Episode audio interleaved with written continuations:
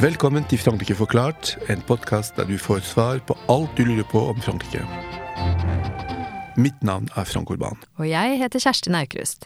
I dag er tema kommunevalget i Frankrike, som finner sted 15. og 22. mars. Som vi har vært inne på tidligere i denne podkasten, er nok dette et valg som er viktigere enn tidligere kommunevalg, spesielt for president Emmanuel Macron. Hvorfor er det så viktig? Hvordan ser det politiske landskapet i Frankrike ut akkurat nå, og hva kan vi forvente oss av dette valget? Med oss for å forklare dette har vi Raino Malnes. Velkommen, Raino. Takk. Raino er professor i statsvitenskap ved Universitetet i Oslo, der han har jobbet mest med politisk filosofi. Han er også lidenskapelig interessert i Frankrike og fransk politikk. Valget av eh, Emmanuel Macron i 2017 ble beskrevet som et politisk jordskjelv, som snudde opp ned det politiske landskapet i Frankrike.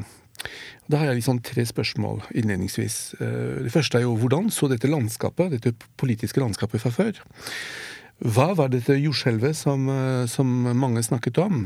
Og hvordan ser det politiske landskapet ut nå, tre år etter jordskjelvet og like før kommunevalget? Før uh, valget i, uh, i, 2017 så var uh, Frankrike delt i en høyre- og en venstreside som lignet ganske mye på høyre- og venstresiden i veldig mange andre vesteuropeiske land. Et forholdsvis stort sosialistparti som skiftet om å ha makten med et forholdsvis stort og vi kunne si moderat høyreparti, Le Républicain, som altså er det som er igjen av det partiet som en gang var de Gaulles parti. Men eh, i tillegg så var det altså et eh, parti på ytre høyre front, nasjonal front, eh, på ytre høyre fløy, nasjonal front, som hadde en oppslutning på rundt 20 eh, og mange ganger mer enn det. En forholdsvis stor eh, gruppe velgere som stemte på partier til venstre for Sosialistpartiet. Eh, må jo si at i Frankrike så er det en ytterliggående venstresiden sterkere enn i veldig mange andre sammenlignbare land. Og så var det et politisk sentrum, et forholdsvis lite politisk sentrum. Og eh, som eh, stort sett hadde eh, vendt seg mot høyre, men som i de siste ti årene har vært mer moden og rede til å samarbeide med venstresiden, altså Sosialistpartiet. Ville, det var vel i grove trekk situasjonen. Du ville si at den, hoved, altså den viktigste politiske akse i den perioden var den venstre-høyre politiske akse? Det tror jeg vi må kunne si, eh, at det var den store politiske og viktigste politiske aksen. Men på den andre siden så er det viktig å huske at uh, Sosialistpartiet har en venstreside og en uh, sosialdemokratisk høyreside. Og de to sidene har, lå i eh, en nærmest borgerlignende tilstand under hele Hollands presidentperiode. Da snakker du om forrige eh, president Francois Hollande? François, François Hollands mm. periode, ja. Og det er ganske stor politisk avstand mellom høyresiden og venstresiden i det franske sosialistpartiet. Mye større politisk avstand enn det er f.eks. mellom høyre- og venstresiden i Det norske Arbeiderpartiet. Og i tillegg så har vi også et høyreparti, stort høyreparti, tradisjonelt stort høyreparti, Le Republica, som også er splittet mellom en eh, ja, på, egentlig splittet mange, på mange måter. Men altså, vi har eh, utpregede liberalister, økonomiske liberalister, og vi har mer konservative tradisjonalister, og vi har også hadde innenfor uh, dette store høyrepartiet også uh, det vi ville kalle, i hvert fall i Norge, uh, sosialdemokrater. Så, og mange av disse skal vi si, velgerne i både Sosialistpartiet og i det store høyrepartiet befant seg strengt tatt ikke så langt unna sentrum i fransk politikk. Og dette var scenen i 2017. Ja. Hva skjedde? Hva skjedde da? Det som skjedde var jo for det første at Hollande, den daværende presidenten var mektig upopulær, og i sitt eget parti, og i befolkningen for øvrig. Og valgte ikke å stille som kandidat igjen. Altså skulle sosialistene nominere en kandidat, en ny kandidat. Og eh, Partiet var på det tidspunktet altså splittet og preget av konflikt mellom høyre og venstrefløy. Så nominasjonsprosessen ble en kamp mellom høyre og venstrefløy i Sosialistpartiet. Så var det en, eh, et medlem av, eh, av regjeringen, eh, nemlig Emmanuel Macron, som gikk ut av regjeringen og erklærte at han ville stille som presidentkandidat. På et tidspunkt eh, da han ikke hadde noe parti i, i ryggen, en slags bevegelse, eh, forsøkte han å bygge opp. Eh, men altså, han kom eh, strengt tatt ingensteds fra. Hadde en gang i sin tid vært medlem av Sosialistpartiet. En periode var ikke medlem av noe parti da han erklærte sitt kandidatur. Og så vant Macron i en situasjon der øh, øh, spesielle omstendigheter eh, knyttet til både Sosialistpartiet og, og Le Republica gjorde seg gjeldende, men også det at det er i realiteten et ganske stort sentrum i fransk politikk. Altså velgere som hører hjemme på venstresiden i Høyrepartiet og på høyresiden i Sosialistpartiet, og som var rede til å stemme på Macron. Og nå? Ja, hvordan ser det ut nå? Altså Nå har jo Macrons bevegelse, som het En Marche eh, opprinnelig, den, den, har, den, har, blitt et parti som heter La République En Marche. Eh, og det er et parti som er verken til venstre eller til høyre, eller hva eh, syns du? Macron sier jo selv det er både ja. til høyre og til venstre. Uh, uh, mens andre som gjerne vil være alternativ til høyre og venstre dimensjon, sier vi er verken det ene eller andre. Så sier altså han både og. Uh, og det er for så vidt sant, for partiet har jo sentrale representanter fra det fra, som tidligere hørte til eh, Høyrepartiet, Republika, også noen sentrale skikkelser fra Sosialistpartiet, eh, og hadde velgere eh, fra begge leire da eh, partiet stormet inn nasjonalforsamlingen og fikk eh, rent flertall. Men nå har jo, i løpet av de årene som har gått, så har det jo vist seg at det er store motsetninger i partiet. Motsetninger mellom høyre- og venstrefløyen, som Macron vel ikke har klart å, å, håndtere særlig godt. Altså hans, I utgangspunktet så var jo hans poeng da å føre en politikk som kunne så å si eh, sies å være både en høyre- og venstrepolitikk. Mens temmelig fort fikk han ord på seg, og det var vel også velbegrunnet for å føre en overveiende høyrepolitikk. Det var til og med så galt at mange begynte å kalle ham de rikes president. og Det er litt sammenheng med at han bl.a. avskaffet en, en, en formuesskatt som, eh, som, som, bare de aller rikeste egentlig var særlig berørt av. Så nå har vi et, et sentrumsparti, La République en Marche, som vel dominerer det politiske landskapet. Og hvordan ser det ut eh, både til høyre og til venstre for det? Nei, til høyre og til venstre ser det skrøpelig ut. Altså mhm. Sosialistpartiet har, hadde ved eh, forrige valg, som var valget til Europaparlamentet i 2019, en oppslutning som så vidt var over sperregrensen. Og eh, Le Républicain har noe større oppslutning, men det er ikke et parti som har en klar og tydelig eh, lederskikkelse for tiden, og det er et parti der eh, som har vært gjennom eh, en konflikt i den tiden som har gått siden forrige valg. Eh, men kan si som så at nå er jo ikke, står det jo heller ikke så veldig godt til i Macrons parti. Eh, hvor mye av et parti det er, det gjenstår egentlig å se. Altså Det er en bevegelse. Veldig mye fortsatt karakter av å være en bevegelse av mennesker som vil ha et alternativ til den tradisjonelle høyre- og venstre-aksen, men som er dypt uenige om ganske mye. Og uh, uenigheten kom uh, f.eks. til uttrykk da man skulle finne en kandidat som en ordførerkandidat i Paris, uh, der en dissident som er, sitter i nasjonalforsamlingen, og som var inntil nylig, inntil han ble kastet ut av Macrons parti, i og for seg viktig medlem av partiet, stiller nå som alternativ kandidat. Uh, alternativ til den offisielle kandidaten for Macrons parti. Og Resultatet er sannsynligvis at partiet har ikke sjanse, ikke nubbsjanse til å vinne. Men bare for å sette opp scenen. ikke sant? I 2017 uh, så, så, sa de fleste analyser at man hadde forlatt den gamle venstre-høyre-aksen. Og at man hadde fått en ny politisk akse som var hvor, hvor, hvor på en måte uh, progressivistene sto imot, imot nasjonalistene. Kjøper du det skillet? og, og, og ser du at det skillet eksisterer i dag, eller, eller vil du si at eh, de gamle skillene fortsatt fins? Ja, i hvert fall både og. Altså, det er klart at dette er Macrons egen hva heter det, fortelling om det som har skjedd. Han er, uh, han er altså uh, den kosmopolitiske og moderne og progressive og, og, og, og fremoverskuende som stiller opp, uh, som står, setter seg som, som den viktigste bolverket mot nasjonalismen.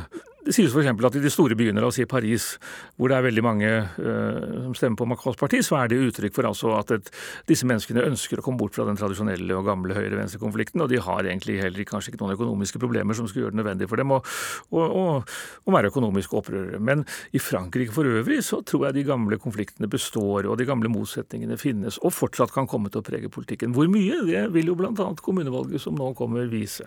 Nettopp. Og, og, før vi går dit, til kommunevalget, så bør vi kort forklare for lytterne forskjellene på det franske og det norske valgsystemet.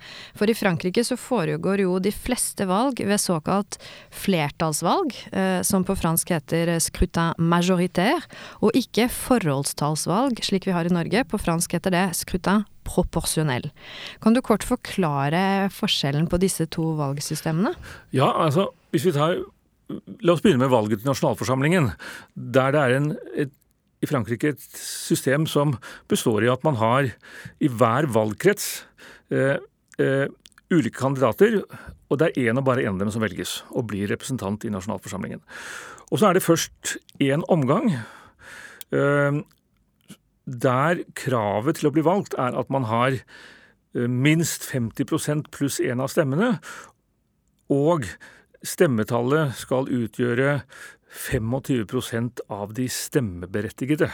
Svært sjelden blir noen valgt med 50 pluss én stemme, som utgjør 25% eller mer av de stemmeberettigede. Og når ingen blir valgt på det grunnlaget, så er det en omgang nummer to. Og ved valg til nasjonalforsamlingen så får da alle, alle kandidatene som fikk 12,5% eller mer av stemmene i første omgang, lov til å stille igjen. De behøver ikke, de har ikke plikt til det. Man kan trekke en kandidat. Et parti kan trekke seg fra andre omgang, men kan altså stille igjen. Og så blir det valgt en representant i nasjonalforsamlingen, med, eh, med, alminnelig flertall. Altså den som får flest stemmer, blir da valgt. Kommunevalget er litt annerledes. Der er det også to omganger. Men i andre omgang er det en liten forskjell. I andre omgang så går alle som har 10% eller mer av stemmene i første omgang, videre. Og igjen har man ikke plikt til å kandidat igjen, man kan trekke seg. Og de som har fått de listene, eller de kandidatene som har fått minst 5% av stemmene, altså 5% eller mer, har anledning til å inngå valgsamarbeid med en av kandidatene som har fått 10% eller mer. Og så blir da den som vinner valget, får da halvparten av alle representantene i kommunestyret pluss en andel av resten som svarer til vedkommendes andel av stemmene. Så altså det er en blanding av at vinneren tar alt, i dette tilfellet ikke alt, men halvparten av de representantene.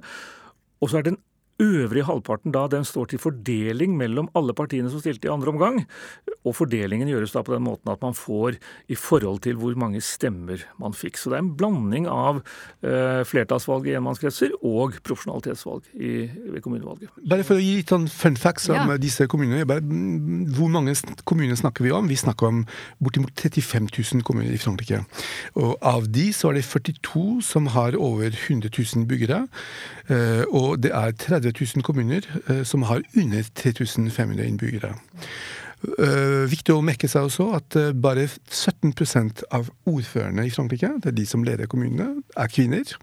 65% av ordførerne de er over 60 år, så de er godt voksne. Men um, vi snakket jo innledningsvis om at uh, dette er et veldig viktig valg for Macron, Raino. Hvorfor er det spesielt viktig for han? For det første så er det jo viktig for et parti, eh, et nytt parti, å skaffe seg fotfeste i Frankrike, altså i Frankrike i det store og hele, og ikke bare i nasjonalforsamlingen i Paris. Ja, fordi dette... For det kan si at i dag, Partiet har et visst fotfeste, fordi Macrons parti samarbeider altså med det tidligere, eller det som fortsatt er det klassiske sentrumspartiet, eh, Modem, altså den, denne demokratiske bevegelsen, som jo har eh, representanter og ordførere og er, eh, befinner seg eh, trygt forankret på grunnplanet i fransk politikk. Men Macrons eget parti har ikke den forankringen, og det trenger jo partiet. Og det har jo en, en ganske logisk forklaring, fordi partiet hans eksisterte jo ikke forrige gang det var kommunevalg. Så ligger han, hvordan ligger han an til å Får han noe lokal forankring? Det gjør han helt sikkert, men det gjenstår å se hvor, hvor, hvor god den blir. Og eh, eh, altså Det ville jo vært fabelaktig for ham om han kunne vinne noen av de største byene. Eh, og der er vel ikke utsiktene særlig gode noe sted, så vidt jeg vet. Eh, I Paris er den definitivt svært dårlig. Eh, så, og igjen, ikke sant, det er et spørsmål om I Frankrike så har vi altså veldig små kommuner, og så har vi en god del bykommuner, og så har vi noen riktig store bykommuner. Og det er godt for et parti som vil gjøre seg gjeldende på riksplan, å eh, ha kommandoen i noen av de største byene. I dag er det altså Relais Républicain har da ordføreren i Bordeaux, i Le Havre, i Marseille, i Nice osv. Sosialistpartiet har ordføreren i Lyon, i Lille, i Paris, Strasbourg. Og hvis nå Relais Républicain greier å gjenvinne sine store byer, og sosialistene gjør det samme i noen grad, ja, så vil det være et alvorlig eh, skudd for baugen for Macrons parti. Vi kan, hvis vi kan ta noen, noen, caser som det er interessant å følge med på når det gjelder kommunevalget. Vi har jo vært innom Paris allerede. Skal vi si litt mer om, om situasjonen der? Eh, fordi du, du, snakket om denne dissident, eh, dissidentkandidaten. Og så, ja. så, var det jo et, noe som skjedde da for kort tid siden med den offisielle kandidaten til eh, La République en Marche, altså Macrons parti, som het Benjamin Griveaux, som vel eh, man kan si tilhører den innerste eh, krets til Macron. Ja. Eh, en, av, ja, en, av, de hovedpersonene i, i gutteklubben Grei, eller hva man skal, hva man skal kalle det. Ja. Og som ble valgt uh, i en i og for seg ganske konfliktartet uh, prosess, og som, uh, men som nå, og som har den, hatt denne utfordreren, denne som er en fremstående matematiker, Cedric Villani, Eh, som man ikke har klart å riste av seg. Og så skjer da det eh, at Grivaud viser seg å ha hatt et utenomekteskapelig forhold. Helt innenfor lovens ramme, altså ingenting, ikke noe, ikke, ikke noe annet enn et helt alminnelig, helt alminnelig utroskap. Men det blir altså publisert. Det blir lagt ut bilder på YouTube, var det vel, som Eh, som er bilder Griveau har, har, sendt til sin eh, kjæreste, eller sin, altså sin elskerinne. Eh, og de bildene var av et slag som ikke var, var, ikke, var ikke veldig hyggelig at de kom offentlig for øye. Og han trakk seg. Og, og, det Macron har gjort nå, det er jo å peke ut en ny, en ny kandidat. Og det ja. er ingen ringere enn den tidligere helseministeren, Agnes Buzyn heter hun. Ja. Hva Har du troa på, på, henne, eller? Eh, altså, ja, det er ikke noe, det er ikke noe vei med henne. Noe av det første hun gjorde, var jo å å, trekke tilbake en god del av de sakene som, eh, som hadde vært eh, eh, viktigste saker. Hun mente de var uttrykk for en overdreven utopisme. Hun ville ha en politikk som var mye mer, altså etter hennes omdømme, da, eller hennes vurdering, realitetsstyrt. Så det var nå én ting som var litt uheldig, kanskje. Men Ellers er vel problemet det at hun har jo svært kort tid på å bygge sitt kandidatur.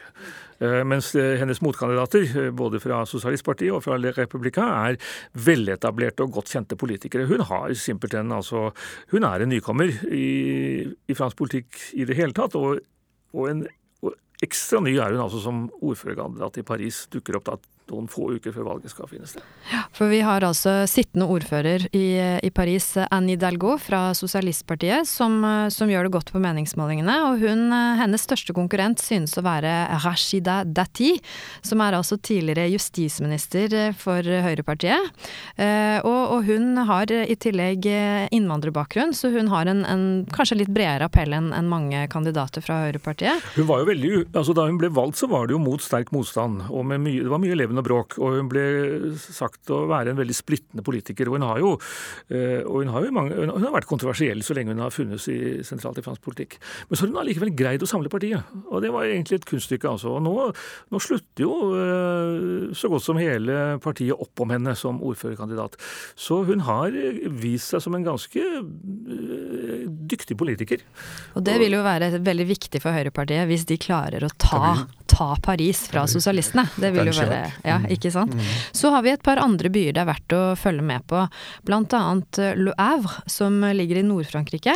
Eh, hvorfor er det en interessant by, Raino? Fordi eh, den sittende statsminister er altså ordførerkandidat i Le Havre. Rett og slett. Og det vil jo være Og jeg tror til og med forrige gang så ble han valgt i første omgang. Altså Det var en ganske øredøvende eller en ganske stor seier. Det er veldig sjelden uh, i så store byer iallfall at, uh, at valget skjer i første omgang. Så han har vært ordfører der tidligere, men kommer han til å forlate sin eh, ministerpost dersom Nei, han blir valgt? Nei, det vil han sannsynligvis ikke gjøre. Vel, det er jo det gjenstår å se. Altså En mulighet er at, da, at, at, presidenten da finner at nå er tiden inn til å skifte statsminister, og så går han inn og så får han en, en vakker sorti og blir ordfører i en stor by. En annen mulighet er at han blir værende statsminister, og at man har en suppliant som, som, som ordfører. Men uansett, altså, hvis han taper valget, så er det et kraftig prestisjenederlag for ham og for regjeringen og for statsministeren. Og så her jo... står det veldig mye på spill. altså. Mm, mm. Vi kan ikke nevne alle byer, men det er jo en, en annen by som er viktig. Eh, hvis vi tenker på Nasjonal Samling, eh, det er jo Perpignan. Ja. Uh, altså Nasjonalfront har kanskje ikke så veldig store ambisjoner når det gjelder akkurat dette valget. Unnskyld, Frank. Du bruker Nasjonal Samling og Nasjonal Front. Vi må bare være ryddige her. Nasjonal Samling. Det partiet heter Rassemblement National, som betyr Nasjonal samling. Absolutt. Og det er da partiet på ytterste høyre fløy. Absolutt. Mm. Og, øh, og som, som, sagt, partiet har kanskje ikke så veldig mange store ambisjoner i forhold til dette valget, men de kan i hvert fall ta én storby, og det er Perpignan. Hvorfor øh, vil det bety noe viktig for, øh, for partiet og for Marine Le Pen? Jo, for det vil være det første gangen de vinner en riktig storby. Nå er denne Louis Aillot, han er vel en sentralt plassert politiker. Var samboer med Eh, Marine Le Pen inntil ganske nylig. Og eh, vinner de denne eh, vinner de Perpignan, så er det et stort, en stor prestisjeseier. Og det vil gi dem et utstillingsvindu. Hvis de makter den oppgaven, eller hvis han og hans folk makter den oppgaven godt, så vil det styrke eh, Nasjonal Samling, også rikspolitisk sett, foran neste presidentvalg, som jo blir uhyre spennende.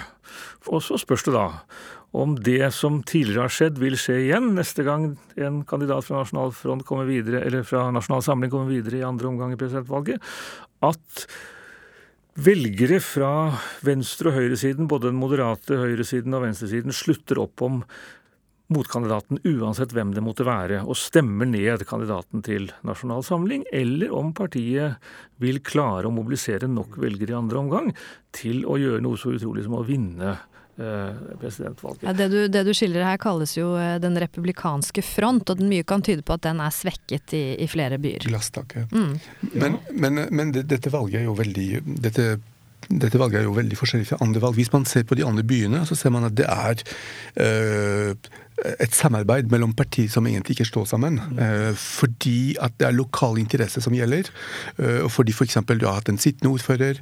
Så, så eh, det, det, er vanskelig å overføre over, altså, Overføringsverdien for dette valget til nasjonale valg er litt komplisert. Det er, det er jo begrenset. Men igjen, ikke sant, på samme måte som med valget til Europaparlamentet i fjor. Det vil jo bli lagt merke til hvilken vei pilen peker.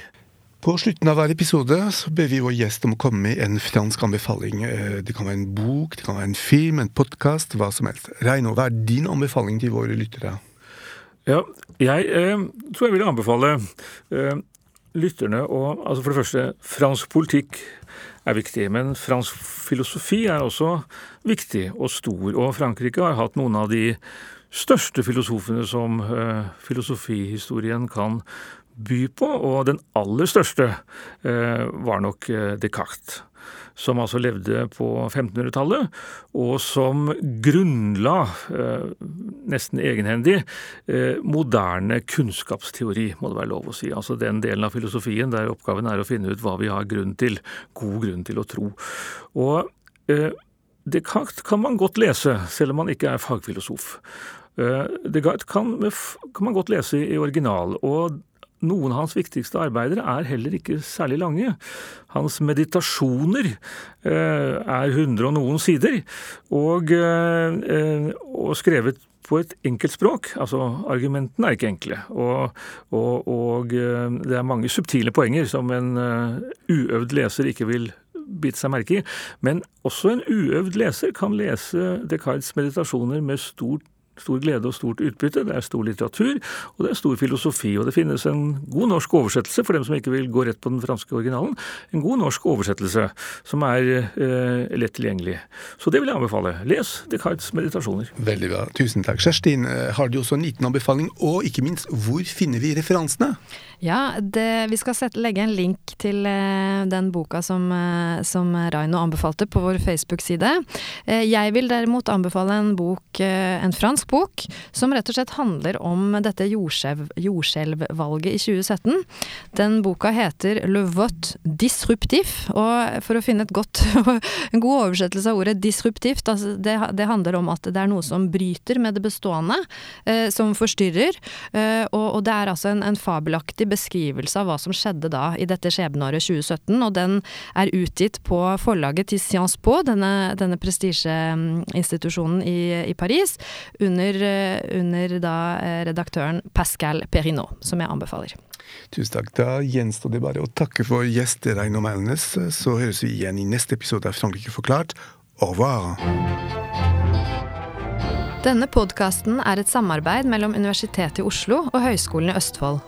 Abonner på Frankrike forklart på iTunes, Spotify eller på andre plattformer der du lytter til podkast.